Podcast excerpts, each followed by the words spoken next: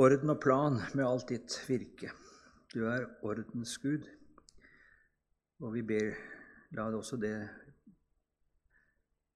være slik for oss i vårt arbeid at det ikke alt er løst og uplan, eller uten plan, men at vi kunne følge ditt ord på den rette måten. Vi ber om lys fra deg. Amen. Ja, når jeg har sagt det med orden, så er det slik at eh, jo, det er en orden. Og eh, samtidig så er det slik at vi skal ikke bli for eh, ja, Vi ser i Nytestamentet spesielt at eh, det er en eh, Det er ikke først og fremst det organisatoriske som er viktig, men det er funksjonene. Kom litt tilbake til det. Vi skal snakke nå om eldstefunksjon og styrearbeid. Hva skal vi tenke om det? Ordningen med eldste det er det ordet som på gresk heter 'presbyteros', og som hos oss er blitt til prest. Eh, og ordet 'prest' hos oss er jo langt unna den eldstbetegnelse vi har i Bibelen. Det er på en måte blitt noe annet, så, så det er litt vanskelige ord å forholde oss til. Med prest tenker vi også veldig lett på en prest i Gammeltestamentet. Det er et annet ord. Det er hierevs på gresk og kohen på hebraisk. Og det er en offerprest. Og, og da er det noe helt annet igjen. Derfor er ordet prest litt vanskelig å bruke, for da, da legges det inn så mange andre ting enn det som er det bibelske. Så vi prøver å holde oss til det bibelske begrepet 'eldste', eh, som også er veldig fremmed i vår lekmannstradisjon. For vi har ikke hatt noe eldsteråd eller noe eldstefunksjon. det ordet har ikke vært brukt. Vi står i en demokratisk tradisjon, en organisasjonssammenheng, hvor man har formenn og styre. Ja, Hvordan skal vi tenke om dette? Det er nå, nå det vi skal se på. For, for, vi har en praksis der hos oss som mye mer hviler på en organisasjonsutvikling på 1800-tallet, med masse organisasjoner på alle mulige plan. En demokratiseringsprosess av samfunnet. Eh, som du kan si har visse bibelske på en måte, ja, bakgrunn. Klart at Demokratiseringen i Vest-Europa den kan du ikke tenke uten kristendom. Du kan ikke det. Og Allikevel så er det ikke alt her som er av, av bibelsk rot. Hvordan skal vi tenke om det? Men tilbake til eldste. Det møter vi allerede i 2. Mosebok 3. Der møter vi de eldste i Israel. Det var familieoverhoder. Men det kunne også være særlig utvalgte menn som skulle lede folket.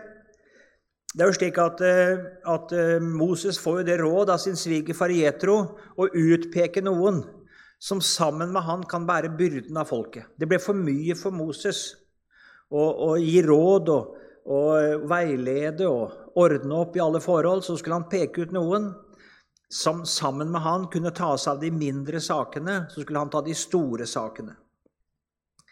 Og det er denne eldstefunksjonen her, en slags tilsynsmannsfunksjon, en slags rådgiverfunksjon, en hyrdefunksjon, eh, som vi møter i Nytestamentet.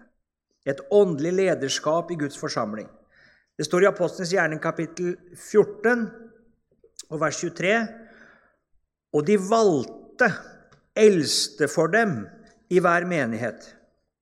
De valgte eldste for dem det er altså, eh, Her møter vi da Paulus, som er på misjonsreise. Og han besøker, eh, besøker eh, eh, kristne menigheter her. Og så velger han Eller han oppretter kristne menigheter, rettere å si. Det er første misjonsreisen. Og så innsetter han eldste i hver menighet. Og i Titus 1,5 så pålegger Paulus Titus å innsette eldste i hver by. Kan litt tilbake til denne praksisen. Skriften forutsetter at det er et åndelig lederskap i den troende forsamling. At det er eldste, eller et eldsteråd. Men det står ingen beskrivelse i Nytestamentet hvordan det skal skje, hvordan det skal organiseres eller utformes i detalj. Og det ser ut til at det var forskjellig på ulike steder.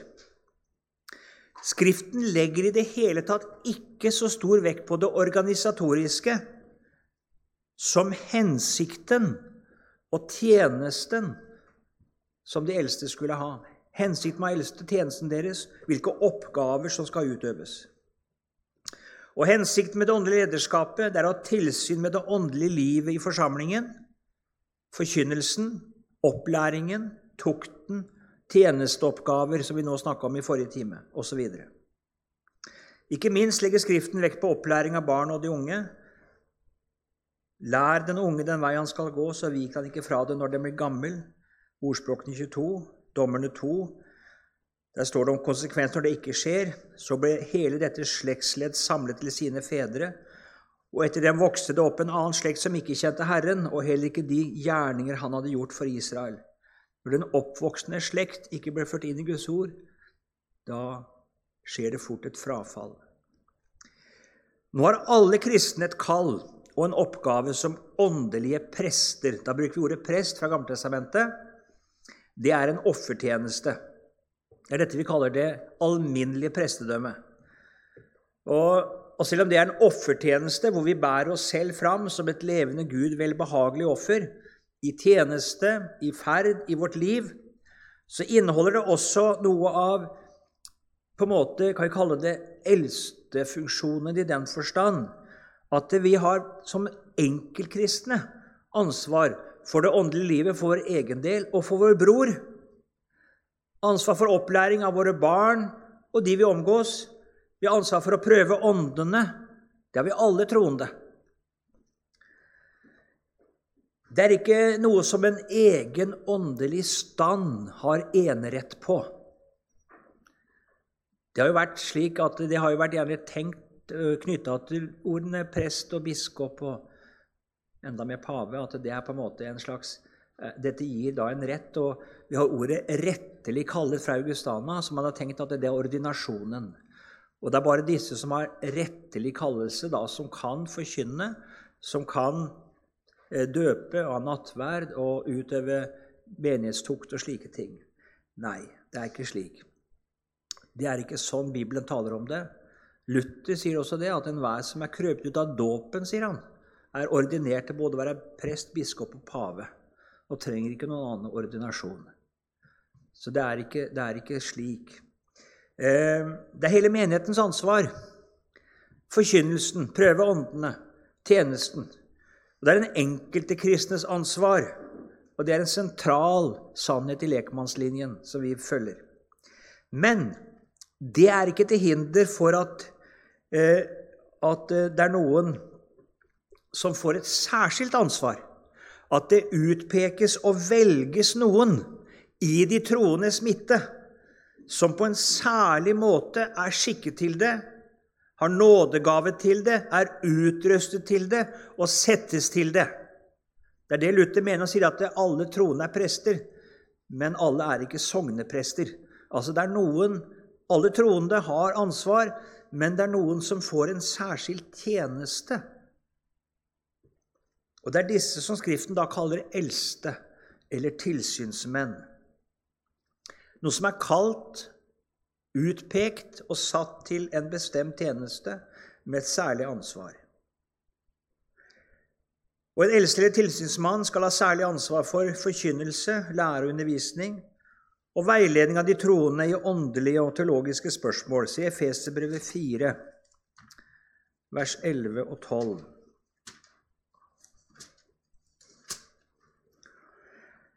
Han er det som ga noen til apostler, noen til profeter, noen til evangelister, noen til hyrder og lærere, for at de hellige kunne bli gjort i stand til tjenestegjerning, til oppbyggelse av Kristi legeme. Her nevnes det jo flere tjenester, da. Apostler er jo de som det ville vi kalle misjonærer på mange måter, som grunnlegger forsamlinger.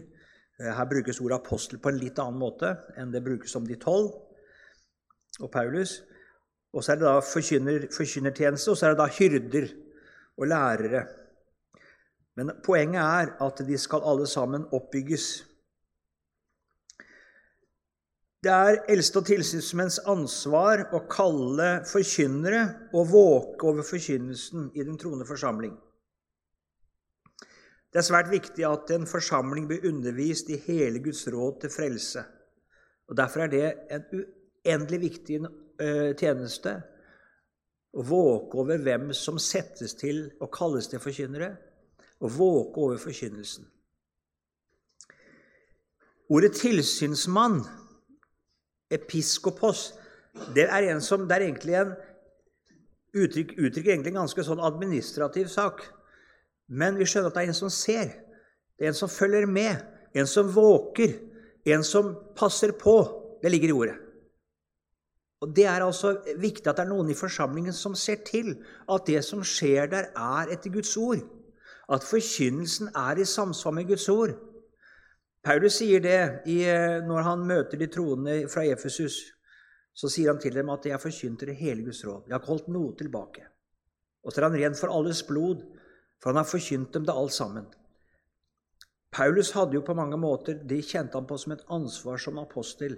Han var jo på mange måter deres tilsynsmann. Men det er, det er altså i enhver forsamling så må det være noen som har et særskilt ansvar for det, at det hele Guds råd blir forkynt. At ikke det er slik at nei, her hos oss så tar vi ikke oppgjør med det og det, for det, det blir så dårlig stemning av det. Og så, og så er det ting som ikke blir tatt oppgjør med. Det er ting som ikke blir holdt fram. For det, det, det, vil alltid være tendenser i forkynnelsen. Det kan bli slagsider. Da må det være noen som våker og ser. Den enkelte forkynner kommer kanskje, han har et møte, kanskje det er en møteuke, men så sier man at her, her er det noe som ikke blir tatt fram hos oss. Noe som det er stort behov for. En i forsamlingen ser det, og så bør han passe på det. At her blir det tatt fram, her blir det kalt noen til å preke som kan ta fram disse ting som ellers blir forsømt iblant oss. Formane, rettlede de troende, ta oppgjør med det som er vrangt, både i lære og liv. Se Titus 1 og vers 9 der. Han Det er snakk om en tilsynsmann. Han må holde fast ved det troverdige ord i samsvar med læren, slik at han kan være i stand til både å formane ut fra den sunne lære, og til å gjendrive dem som sier imot. Vi forstår det at den som skal ha en slik tilsynstjeneste, altså, han må ha et godt kjennskap til Guds ord. Han må kunne ta oppgjør med det som er galt, personlig, og også da gjendrive det som er. Eh, og har man ikke den den innsikt i Guds ord, da skal man være også være klar over det og si at jeg tror ikke det er rett at jeg har denne tjenesten. Det bør være noen som har den tjenesten, som kan ha det åndelige klarsynet. Eventuelt Vi sa vi bør høre at vi var i en åndelig krigssituasjon, og på en måte det, det, det åndelige infrastrukturen er brutt sammen så kan det være at man ser at dette, dette har jeg ikke, men da må jeg alliere meg med noen. Da må jeg ha noen jeg kan spørre. Da må jeg ha noen som vi kan trekke inn når vi opplever at det er noe som er uklart. Ja. Prøve åndene forkynnelsen. Det er jo noe av det samme. 1. Johannes brev, kapittel 4. Der står det om det, fra vers 1 der. Mine kjære, tro ikke enhver ånd, men prøv åndene om de er av Gud. For mange falske profeter er gått ut i verden. Det er sagt til alle troende. Det er det. Det er sagt til alle troende. Alle har vi et ansvar for å prøve forkynnelsen, om det er i samsvar med Guds ord.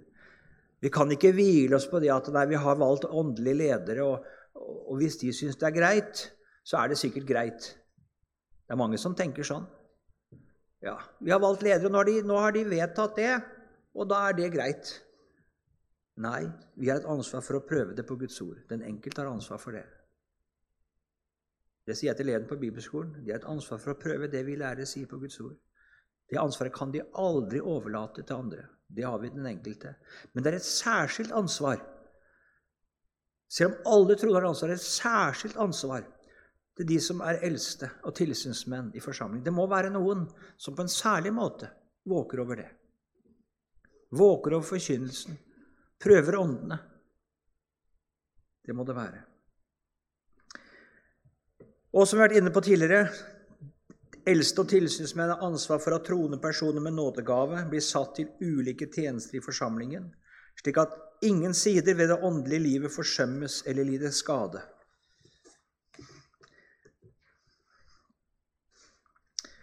Litt om valg av eldste. Altså, Vi har ikke brukt denne betegnelsen i Norge. Eh, det har vært lokale formenn, omreisende predikanter, sekretærer og andre åndelige ledere har likevel fungert som folkets eldste.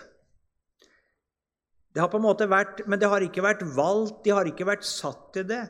Det er noen som i kraft av sin åndelige autoritet, sin åndelige tillit, har vært kristenfolkets eldste.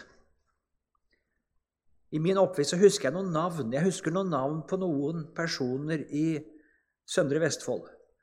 Jeg skjønte Aldri møtt dem, men jeg skjønte at disse var kristenfolkets eldste. Dette var bautaer, på en måte. Det var åndelige, våkne mennesker som våkna opp forkynnelsen. De hadde en klar De tok tak hvis det skjedde noe. De var ikke valgt til det. Noen var predikanter, og noen var det ikke. Og I en åndelig rike tider så vil det ikke mangle på slike som på en måte vil være lekfolkets eldste i kraft av sin åndelige autoritet og tillit. I åndelige frafallstider så vil det mangle. Og vi kan ikke organisere det fram. Og Likevel så tror jeg det. Vi skal være oss bevisst at det er en tjeneste som vi skal søke å få på plass. At det er noen som har en sånn posisjon, en, en sånn tjeneste iblant oss. Eh, Skriften forutsetter at det er en viss formalisering. Noen det tales om det, om valg. Om noen har lyst til, har ønske om, kjenner på en trang til å ha et tilsynsembete, ja, så har man lyst til en god tjeneste. Det er noe som det er, det er slik at noen har en utrustning, har et kall, en nådegave til en sånn tjeneste. Så det er, det er en viktig sak som ikke bare kan gå forbi. Nå er det slik at Et lokalt foreningsstyre, da, som vi ofte har Vi har en lokalforening med et styre, har mange oppgaver. Mange praktiske, administrative oppgaver. Eh, og, og, eh, det skal være økonomi, og det skal være møteting, og det skal være mat på møtet, og noen skal ha ansvar for det, og det skal være Ja, det er så mange ting. Eh, og det er ikke det som tenkes med å være eldste og ansvar for det. Det er en formann og et styre som tar seg av sånne ting. Men utover det, utover det, så bør det altså være én eller flere. Det ser ikke ut til at det i små forsamlinger har vært flere, kanskje bare én. Men én som har et eldste- og hyrdeembete. En som, som eh, kanskje har ansvar for flere flokker, hvis det er små flokker. Og så kan det være én som kan være en hyrde for flere. Eh, men det bør være det. Vi kan slå opp litt og se. Titus 1 vers 6. Hva Skriften sier om det. Nå bruker jeg ordet tilsynsmann og eldste litt om hverandre, og det gjøres i Skriften også. Det er ikke så uh, ulike funksjoner. Titus 1 fra vers 6. En eldste må være ulastelig. Han må være én kvinnes mann, og ha troende barn som ikke har ord på seg for utskeielser eller oppsetsighet. For en tilsynsmann må være ulastelig som Guds husholder, ikke egenrådig, ikke bråsint, ikke drikkfeldig, ikke voldsom, ikke lysten etter usel vinning. Han må være gjestfri, glad i det gode, sindig, rettferdig, hellig, avholdende. Han må holde fast ved det troverdige ord i samsvar med læren, slik at han kan være i stand både til å formane ut fra den sunne lære og til å gjendrive dem som sier imot. For det finnes mange gjenstridige. Ja, vi kan stanse der. 1. Timotus 3, fra vers 1. Dere troverdige ord. Om noen gjerne vil ha et tilsynsembete, så er det en god gjerning han har lyst til. Derfor må en tilsynsmann være uklanderlig, en kvinnes mann, edruelig, sindig, verdig, gjestfri, dyktig til å lære andre, ikke drikkfeldig, ikke voldsom, men mild, ikke stridslysten eller pengekjær. Han må styre sitt hus godt og ha lydige barn med all ærbarhet. Den som ikke vet å styre sitt eget hus, hvordan kan han ha omsorg for Guds menighet? Han må ikke være nyomvendt. for at han ikke skal bli oppblåst og falle under djevelens dom. Han må også ha godt vitnesbyrd fra dem som er utenfor, så han ikke skal bli til spott og bli fanget i djevelens snare. Ja, det er av det som kreves, altså. Det er ikke så lite av den som skal ha slikt, en slik tjeneste. Vi møter en dobbel praksis, tror jeg vi kan si, i Nytestamentet. I umodne menigheter, nygrunnlagte menigheter eh, Titus sier jo Paulus altså til, til Titus at han skal på Malta, helt nye menigheter, innsette eldste i hver by. Og vi så at Der de kom på den første misjonsreisen, det er helt nye menigheter i Lilleasia, så innsetter apostelen Paulus eldste i hver by. Det er altså slik at det skjer ovenfra. Apostlene innsetter. Det kan vi kalle en episkopal eh, modell. Og det er noen som vil si at det, sånn skal det skje.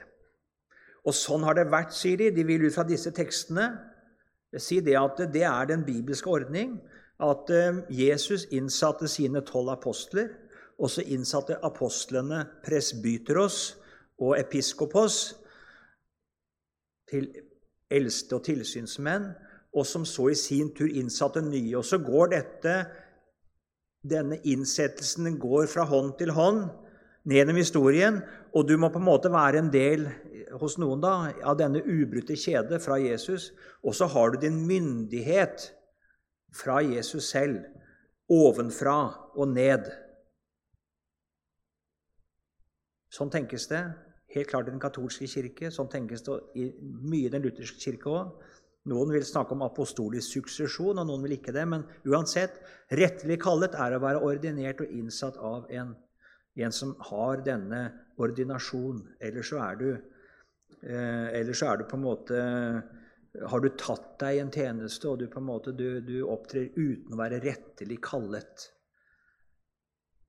Jeg mener at dette er en ordning som hører hjemme i en misjonsvirkelighet. At eh, forsamlingene er såpass unge, umodne, at han må innsette eldste der. Eller noen til å ta ansvar i forsamlingen. De kan ikke velge det. Da vil man gjerne velge dem som har god utdannelse, den som har administrative evner og erfaringer, på en måte, uten, uten noe særlig bevissthet om det åndelige liv og, og, og syn i Skriften. Det vil være sånn, for man har ikke eh, de som allerede på en måte har en posisjon i samfunnet, på en måte naturlig at man velger den. Man har ikke det åndelige grunnsyn. Derfor vil det være misjonsvirkelighet er naturlig at det er misjonæren eller noen andre som, med ansvar som har åndelig grunnsyn, som innsetter. Men der du har modne forsamlinger, der det er åndelig, en åndelig modenhet, der ser det ut til at i Nytestamentet så velger man. Man utpeker. Det skjer ikke ut at man ber Gud om råd, men man utpeker seg apostlenes gjerninger. Kapittel 13.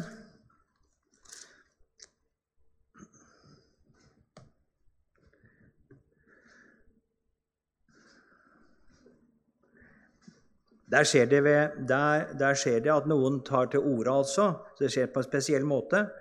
Men i Antiokia, i menigheten der, var det profeter og lærere, Barnabas og Simeon, som kaltes Niger, og Lukius fra Kyrene og Manaen, fosterbror til fjæringsfyrsten Herodes, og Saulus. Mens de holdt gudstjeneste og fastet, sa Den hellige ånd, ta ut for meg Barnabas og Saulus til den gjerning som jeg har kalt dem til. Da lot de dem dra ut etter at de hadde faset og bedt og lagt hendene på dem. Her er det noe som sendes ut fra menigheten.